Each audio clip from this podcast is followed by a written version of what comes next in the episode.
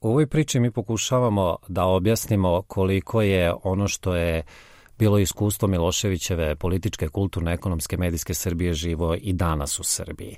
Ono što je primetno i što je i takako važilo i za onu elitu, a i za ovu danas jeste izraziti otpor prema nezavisnom novinarstvu. Kako bismo to objasnili? To je ono što sve te autoritarne elite vezuje, nezavisno da li su one na na Balkanu ili su u, nekoj, u nekom drugom e, delu sveta. Dakle, taj suštinski, endemski otpor prema nečemu što ne mogu da kontrolišu, što je upereno kritički kako oni to vide protiv njih. I to je taj posvećeni otpor obe elite i Miloševićeve elite i ove Vučićeve, mada kada kažem elita izraze e, mislim da ne odgovara u potpunosti onome što i jedni i drugi predstavljaju. A razlika je u tome, po mom mišljenju, što je 90-ih Milošević e, dopuštao da postoji spektar e, nezavisnih medija koji su opstajali zahvaljujući pre svega donacijama zapadnih e, međunarodnih nevladinih organizacija. On je ugrožavao te medije, ja sam radila u jednom od njih atakovao je nam te medije, gasio ih, oni su ponovo nicali, ali su oni egzistirali sve do uh, e, 2000. godine na ovaj ili na onaj način. E, pred kraj vladavine, i to meni zanimljivo za ovu našu priču, Miloševića, kada je za ministra informisanja došao sadašnji predsednik Srbije, tada radikal Aleksandar Vučić, kreće, e, ja mislim, najsnažniji udar na medije koji je bio zakonjen, dakle koji, je don, don, koji se dešavao na osnovu zakona i taj udar je razorio veliki broj medija i brojne novinare ostavio na ulici, pre svega medije kada je razarao medije sa stanovišta financija. Teško to to amnestira na bilo kom nivou ni Miloševića. Taj zakon je bio osmišljen u glavama tada vladajuće elite, pre svega socijalista i Jula. Ja, apsolutno, radikali su bili izvođači radova. Ali ono što je činjenica za Miloševića, dakle kada to govorim, ne govorim o tome da amnestira Miloševića, ni, ni pošto. Milošević nije imao potrebu ili želju da zavlada poslednjom porom društva kao što se dešava sada. Dakle, uz užasnu situaciju nasilja, ratova, zločina, policijske torture, državnih ubistava, upotrebe mafije, ta neka nezavisna medijska scena je maltretirana, ipak postojala u vidu malih hagbova. Znači mi nismo imali velike televizije kao danas što postoje e, korporativne te velike korporacije koje imaju svoje televizije, portala i tako dalje. To su bile lokalne pre svega televizije, bila je ta 92 i novine i radio stanice. Dakle, to, to, to, se, to se, kako da kažem, tako izgledala ta medijska scena. Ali ono što je razlikuje Miloševića od Vučića, se mu pojedinim zaista ekskluzivnim situacijama Milošević se nije bavio s ove strane kada govorimo o medijima, dakle, kada je reč o ne, tadašnjem nezavisnim medija, nije, medijima, nije se bavio pojedincima, On se nije bavio nama novinarima. On nije razarao reportera neke radio stanice i ličnostima i bilo kim ko kaže nešto kritički. On se bavio organizacijama. Oni su koristili zameni, prvo kada, kada adresiraju određeni mediji, treće lice množina koriste, znači oni, ti te izdajnici, uh, plaćenici i tako dalje. Mi danas da li je to, Danice, to, rezultat naučene lekcije iz 90. i perioda vlasti Miloševića u kojoj je postojala ta sklonost, a postoji i danas, da se mediji tretiraju pre kao opozicija, a ne kao korektiv društva. Da, e, ali i još jedna stvar je vrlo važna, da situacija ipak je drugačija sada situacija nego 90. godina. Nemoj zaboraviti da je 90. godina Srbija bila izolovana. Znači, potpuno izolovana od spoljnog sveta. Mi smo imali sankcije, mi smo imali rat, benzin smo kupovali na ulici, u flašama plastičnim. Dakle, ta situacija je bila potpuno drugačija od današnje situacije. Vučić je 2011. to stalno zaboravljamo u svom pokušaju da pokaže društvu i političkoj zajednici i pre svega zapadu da se on menja, izašao sa programom Bele knjige 2011. U toj beloj knjizi u drugoj rečenici piše da je strateška, strateški cilj ulazak u Evropsku uniju, a takođe piše da je e, sloboda medija stup demokratije i da treba posticati slobodno istraživačko novinarstvo, to je zaboravljeno. On je medije pokorio i ti mediji ne samo što služe kao opozicija, oni služe kao ključna batina poluga za održavanje i dalje širenje njegove vlasti. I sad ću da napravim jednu paralelu. U Miloševićevo vreme nosioci torture, izazivači straha, uh, oni koji su nanosili direktnu bol, na primer, predstavnicima opozicije, pokreta otpor ili studentima koje su hapsili, su bili policija i službe i oni koje je zlopotrebljavao Miloševićev režim poput paravojnih, odnosno parapolicijskih snaga. Ovde su zlostavljači, izvođači radova, mediji pod kontrolom vlasti. Dakle, u tom smislu se on prilagodio ovom novom, da kažem, digitalnom dobu. E, ovde se ljudi manje plaše hapšenja, mada ima i hapšenja i nasilja od policije, a više se plaše nasilja koje dolazi od tabloida i televizija sa nacionalnom pokrivenošću koju kontroliše SNS. Ovde je na delu razaranje ličnosti, dehumanizacija, laži, razaranje, mogu da kažem, čestitosti, kao u slučaju nedavno preminule članice Saveta za borbu protiv korupcije, ali Savete Vasilić. Mediji pod kontrolom vlasti su zamena za pendrek i lisice. I to je razlika, tako ja to vidim. Sad opet moram da pitam, mediji pod kontrolom vlasti su zamena za pendrek i lisice, a u ono vreme smo imali medije koji su direktno uh, forsirali i koncept uh, rata, koji su bili ratno-huškaški. Nije li to isto samo drugim obimima? Pa da, ali tam, tada ste imali, dakle, imali ste ratno huškanje, pritom su nosioci ratnog huškanja bili ovi koji su danas na vlast. Ko je bio ratni huškač? Predstavnici SRS i SPS, je li tako? Još jednu stvar uh, smo pomenuli uh, koja mi se čini zanimljiva, a to je da je Srbija u ono vreme bila međunarodno izolovana država, što je tačno. Međutim, da, da, izolacionistički da, da. narativi dominiraju u medijima i danas. To su nacionalizam, da kažem netrpeljivost prema Evropskoj uniji kako je uh mhm. -huh. Srbija ide, netrpeljivost prema Sjedinjenim državama sa kojima Srbija sarađuje i tome slično. Je li se to može tretirati kao koncept od kog se nije odustalo pa evo 20 godina? Pa nije se odustalo zato što, e, dakle, nacionalizam je, kako je pokojni Vojin Dimitrijević govorio, e, jedina uspela ideologija ovde u Srbiji. E, nacionalizam se poslednjih meseci jako kako bih rekao, podigao. Dakle, ta temperatura se strašno podiže. Regionalni odnosi se suno vraćaju. Srbija e, živi u nekom konceptu srpskog sveta koji tra, trenutno pravi i tako dalje. Ja mislim da ta šizofrenija, to je populistički zapravo kako ja to vidim način vladanja, to o čemu si govorio u, u, u konstataciji kroz pitanje, a to je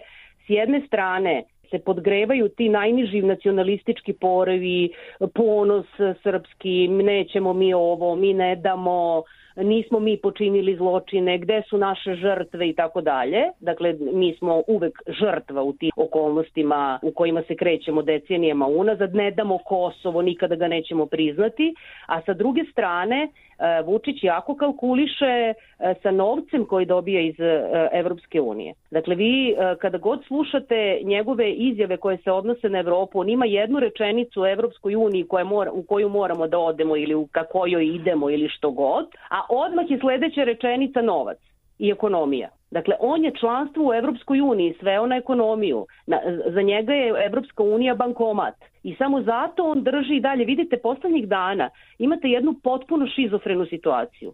Dakle, ovde se poveo bukvalno verbalni rat protiv Crne Gore. Posle usvajanja rezolucije o genocidu u Srebrenici u njihovom parlamentu. Verbalni rat koji je iz svih se, iz svih se oružja pucalo prema Crnoj Gori.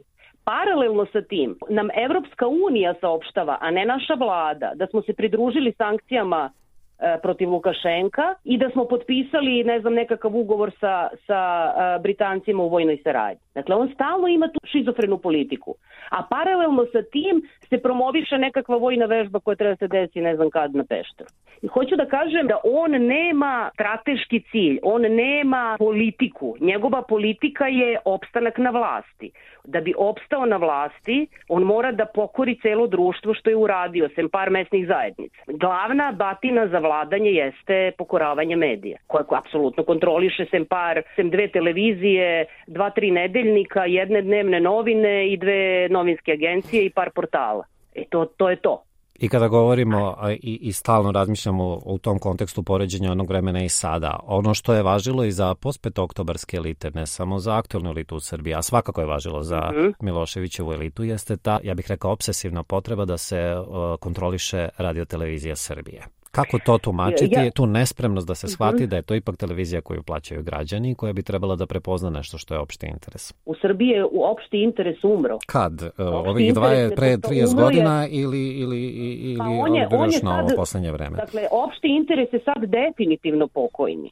On, on nikada nije, nije bio važan toliko, ali sada u vreme Vučića je zaista pokojni. Ono što jeste činjenica je da su sve vlade kontrolisale manje i više imale potrebu da kontrolišu medije. To nije nikakva tajna. Sem par godina posle 5. oktobra u vreme Đinđića narklimali blaži, a sada imamo drastičniji oblik lične vlasti. I sad je samo pitanje koliko lič, taj lični vladar, jel, ta lična vlast ima skrupula pa će da razori sve institucije i da ih sravni sa zemljom, kao što se sada dešava, ili ima ipak malo više skrupula pa neće do kraja da ih razori. Dakle, mi samo živimo u varijacijama malog uspona i ogromnog pada demokratije. Mi u celom svom životu nismo živeli, ja mislim, tri dana u normalnoj demokratskoj zemlji. Dakle, sve vlasti su htele da kontrolišu javni servis. Ovde se dešava sad jedna vrlo zanimljiva situacija. Pošto su pokupovani mediji od javnim novcem, a, u funkciji stranke, razni te televizije koje su preostale, sada se otvara jako mnogo tele, raznih televizija i ubacuju se u, uglavnom u kabel Telekoma. Stvara se jedan privid medijskog pluralizma, a zapravo se obesmišljava novinarstvo kao takvo. Vi sada imate milion televizija od kojih ni jedna ne može da sastavi glavnu redakciju. I zato što nemate ni toliko, kako ga kažem, ni novinara.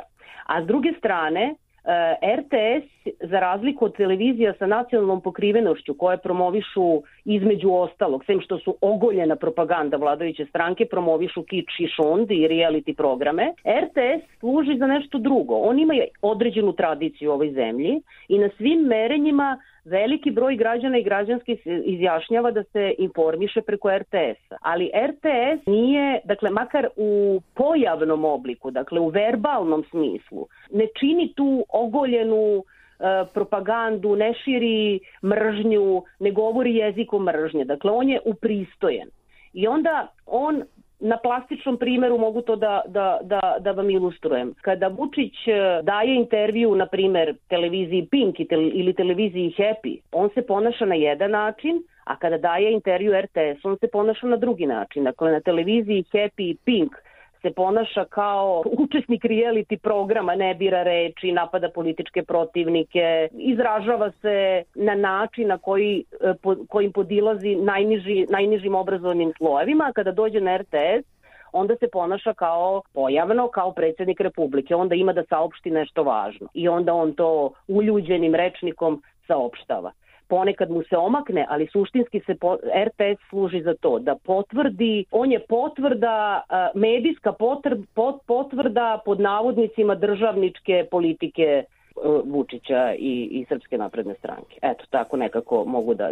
Inače ima tradiciju. Dakle, vi u pola osam da pustite šuštanje programa i da nestane TV dnevnik, svi bi čekali tri sata i buljili u tu, u to šuštanje programa čekajući da počne, da počne dnevnik u pola osam. Prema tome, to je sem što je, sem što je gledana televizija zaista, ona je i tradicionalna sa svim njenim tradicionalno padovima koje imala. I tradici, da, tradicionalno uticajna. Opomenuli smo i ovo, dominacija a, kiča i trivialnih sadržaja. E, to je bio patent Miloševićeve Srbije i mnogo se razgovaralo o tome da li je to bio politički projekt, dok se sve okolo raspadalo, na medijima su tutnjali upravo takvi. Zabavno, a, kič i slični sadržaji. Situacija je danas ista, samo možda i, kako bih rekao, razuđenija i intenzivnija s obzirom na dominaciju digitalnih medija. Je li to da nešto što je jedna, da što, je, što su jedni mhm. naučili od drugih? Pa nisu jedni naučili, to su isti. To su isti ti. Mislim, Željko Mitrović je bio član i ULA. On je imao televiziju koja je rodonačelnik, kako da kažem, medijskog kiča i šunda. On je, on je isti taj Željko Mitrović. Aleksandar Vučić je isti taj Aleksandar Vučić, koji je pozivao u Skupštini na ubistvo jedan, jedan za sto on je isti taj, samo što ne govori više tako, nego govori drugačije. Ali suštinski se ponaša slično. Dakle, da li je, znači, ljudi, to je, to, uh, je li to politički koncept zapravo? Apsolutno je politički, pa naravno da je politički koncept. Pa pazite, Vučić je deo tog realitija. Pogledajte kako on govori. Dakle, ja sad to možda može bolje neki lingvista da analizira, ali on kada govori, kada se obraća preko tih medija ko, ko, o kojima govorimo, kada se obraća publici, on priča na isti način na koji priča uh, učesnik reality programa. Dakle, on, on vam govori, on vam ne govori o tome šta su strateški ciljevi, ne znam, politike Srbije u pregovorima sa Kosovom, on vam priča o tome kako se on svađa sa Kurtijem i kako on njemu sasu u lice šta, šta mu je sasuo, kako spava na podu 2013. On, on, on, vas, on opčinjava publiku time što e, priča kako je na ti sa svim svetskim liderima, e, kako može da ih pozove kad god hoće, a onda s druge strane on ipak i mali u odnosu na njih veliki i tako dalje. To je sve deo istog kiča. To je jedna kič politika u suštini, koja zapravo neguje, ne samo da, ne samo da proizvodi, ona i neguje e, to kič razmišljanje u Srbiji. Jer većina ljudi, e, drugo, nemojte zaboraviti e, podatke, a pronaći ćete ih u istraživanjima koliko mi imamo funkcionalno nepismenih ljudi ovde. Ali nikada ne treba da zaboravimo da su ti ljudi glasali za to. Dakle, 2012. godine u Srbiji na demokratskim tada izborima su oni izabrali ovo. Vučić je na predsjedničkim izborima izabran. Pa sad, kako bih vam rekla, i možda možemo da se vratimo onda na to što nije uspela demokratija. Pa zato što pr prema istraživanjima, ne, ne, ne, ne znam tačno sad podatak u ovom trenutku, ali to možete i takođe da proverite. Svaki neki Srbin se zalaže za demokratiju, a više voli vođu.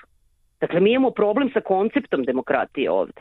Zato što demokratija nosi odgovornost. Prošle godine kada je bila pandemija, Mi smo e, čekali da nam on uvede vanredno stanje i, i policijski sat i da zabrani da izvodimo kučiće na, da, da obavljaju nuždu, nuždu da bismo poštovali mere. Ja da završiš sad, ali, hoću da ali me zanima ukoliko, je, ukoliko se povuče jedna crta u tih 30 godina, onda bi to bila potreba da se mediji kontrolišu, da se s medijima manipuliše i slično. A, gde je izlaz iz takvog stanja? Kako prekinuti takvu tradiciju?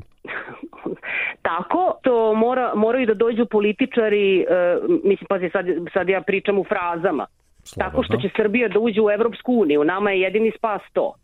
Što smo duže izvan Evropske unije, mi smo sve gori. Dakle, mi izgledamo sve lošije, mi ćemo biti sve ružniji, mi nećemo biti bolji. Dakle, mi moramo da se približimo toj evropskoj porodici naroda, jer najgora Evropska unija je bolja od ovoga što imamo sada. Ovo je alternativa koju sada živimo. Ovo je alter, evo, mi sada živimo alternativu Evropskoj uniji. Dobro, ja imamo i da primere u Evropskoj uniji država u kojima se a, zloupotreba medija u toj meri raširila da se otvoreno govori i poredi sa upotrebom medija u, mere, u vreme Miloševića u Srbiji. To je sada, ok, to je, e, znate šta, vreme Miloševića u Srbiji nije trenutno uporedivo ni sa čim. Zbog tih sankcija, zbog ratova i zbog svega. Dakle, čak ni to što smo mi imali medija koji su disali tada na ovom polu, male hubove, el? pa i Free Europe je funkcionisao u to vreme, biro Beogradski je funkcionisao. Znači, ali to sve ništa nije uporedivo. Dakle, zato što su situacije potpuno drugačije. Dakle, Milošević je vladao e, e, golom represijom vojske, policije i, i e, institucija koje su institucije sile, dakle vojska i policija. Ovi vladaju pokoravanje medija. Dakle, to što populista postoji u Mađarskoj i što postoji u Češkoj je takođe strašno, ali nemoj zaboraviti da su te zemlje ipak deo evropske porodice i da one mogu da funkcionišu, njihovi građani i građanke funkcionišu drugačije od građana i građanke koji žive u Srbiji. Zato što postoji određene mehanizmi i granice do kojih ti lideri mogu da idu. Mislim, jako je strašno što ovo govorimo jer mi stvarno živimo u svetu koji je užasan.